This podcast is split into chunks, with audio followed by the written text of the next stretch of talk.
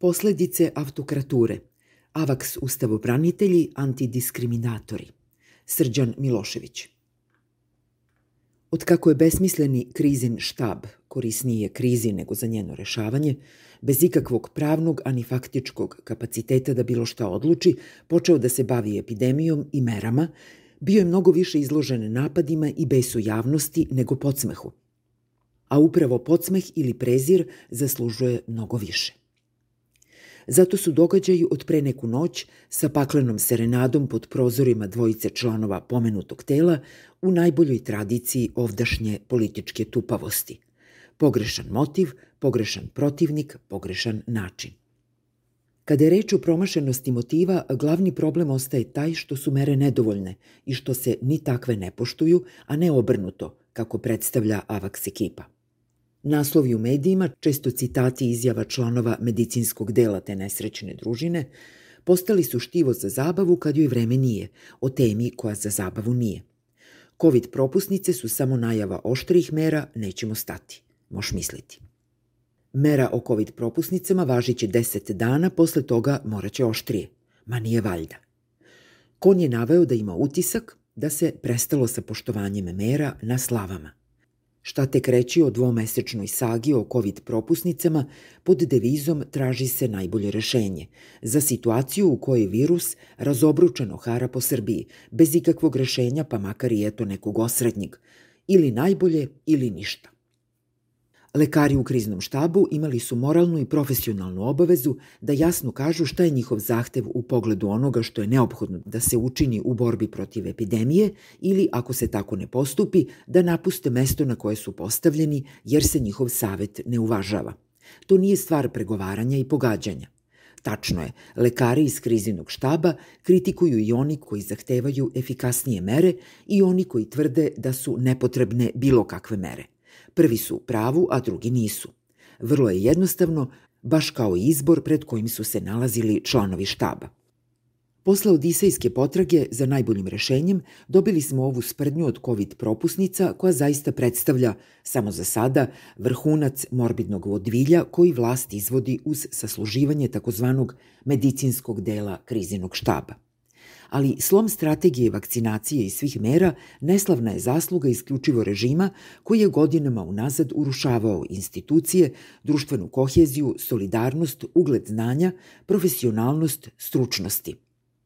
Ide to na dušu i mnogim drugima, nekoliko decenija unazad i ne samo na ovom našem prostoru, ali ovakvu ohlokratiju ipak nismo imali u deceniji posle 2000.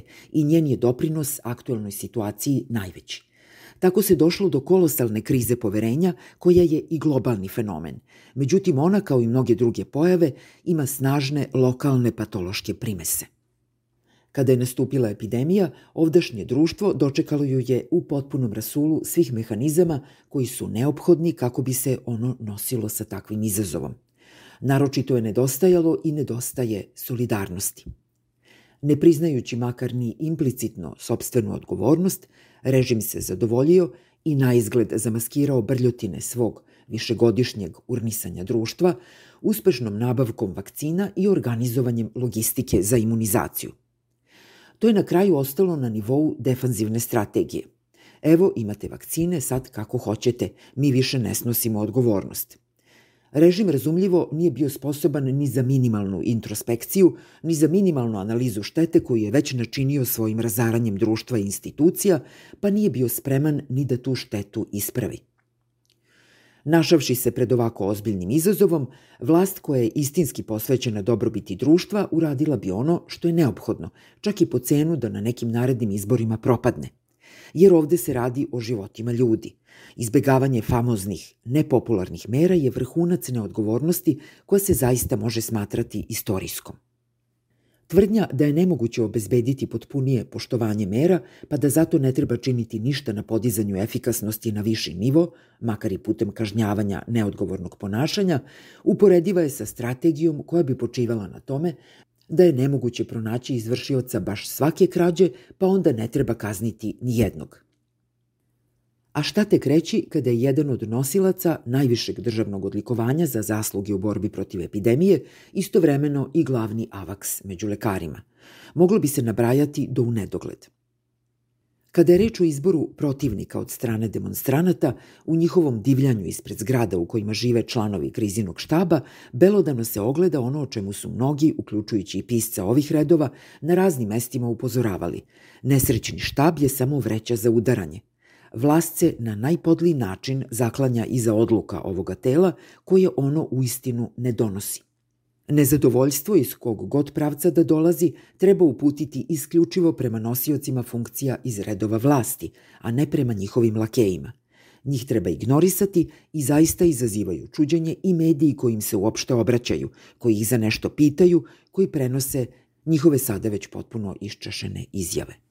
Njihova je odgovornost što su dopustili da budu upotrebljeni kao paravan za stvarnog donosioca odluka, a inače bi i bez njih sve bilo isto – Režim se u tom pogledu ponašao zaista podlo. Zamolit ću krizni štab, umeo da kaže i sam autokrator, a ponavljala je to i prvo podčinjena šefu. Oni su kreirali utisak da krizin štab, za koji usput malo ko uopšte zna da mu predsedava lično prvo podčinjena, odlučuje o svemu. Štab sada simbolizuju Kon i Tiodorović, a još uvek pomalo i doktorka ministarka, što je na kraju i dovelo do toga da se raspamećene gomile valjaju od vrata do vrata jednog ili drugog člana medicinskog dela krizinog štaba. I uzalud će ministar zdravlja pozivati da covid ludisti dođu pred njegova vrata – Niko živi ne zna koja je njegova uloga u borbi protiv krize, jer su svi predstavnici vlasti mučki istakli ove odista patetične pojave koje danas trpe najprimitivnije napade od strane bulumente koja se bori protiv ugrožavanja slobode usled jedva postojeće strategije protiv covid -a. Sinergija nebrige vlasti, zaveroloških mantri i sa istoka i sa zapada, zatucanosti potekle sa različitih izvora, ne najmanje verskih – Na izgled nacionalnih skepsi, bandoglavog inačenja, višegodišnjeg tabloidnog uzgoja paranoje, zaveroloških budalaština i koje kakvih misaonih andramolja, učinila je da gornja granica vakcinacije u Srbiji bude nedovoljna za kolektivni imunitet, tek nešto iznad 40%, ako je verovati statistikama, a nije. Činjenica da postoji snažan otpor ne samo vakcinaciji, već i makar zaštiti u vidu nošenja maski, redukovanja kontakata i uopšte ponašanja prilagođenog okolnostima, govori u prilog tome da veoma veliki broj ljudi u Srbiji i dalje odbija da prizna činjenicu da virus uopšte postoji i da kod obolelih uzrokuje tegobe kakve uzrokuje. I tu se, između ostalog, očitovala jasna razlika među zemljama sa očuvanim potencijalom vladavine prava i minimalne solidarnosti i onih čije su institucije i državne i društvene u samrtnom ropcu. Lako je prepoznati da postoji korelacija između stabilnosti demokratije, vladavine prava i kakve takve uravnoteženosti političkih odnosa sa jedne strane i visokog nivoa imunizacije stanovništva i razume se poštovanja mera sa druge strane treba biti zaista neshvatljivo samoživ, pa odbijati i tu najelementarniju meru, nošenje maske u zatvorenom prostoru. Upotreba maske predstavlja minimum svesti da možda, samo možda, i nije baš tačno da virusa nema ili da je bezopasan, kako tvrde oni koji inače odbijaju čak i tako elementarnu stvar.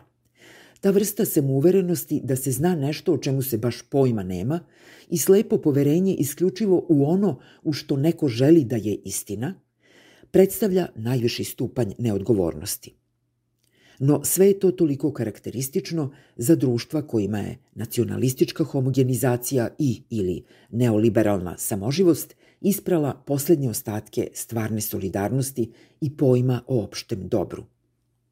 Avaks ustavobranitelji odista predstavljaju naročito zanimljivu grupu, pretežno iz kategorije onih koji se ustava, ljudskih prava i problema diskriminacije sete samo onda kada izgovaraju budalaštine o sobstvenoj tobožnjoj ugroženosti.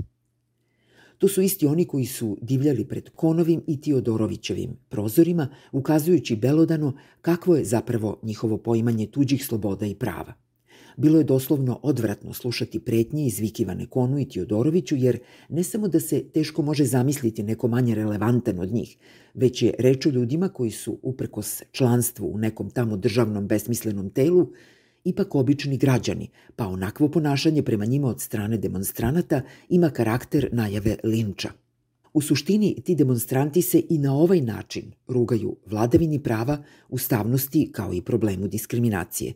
Sve to predstavlja posebno neprijatan začin u inače ogavnim pomijama od argumenata o epidemiji koji dolaze iz te kuhinje.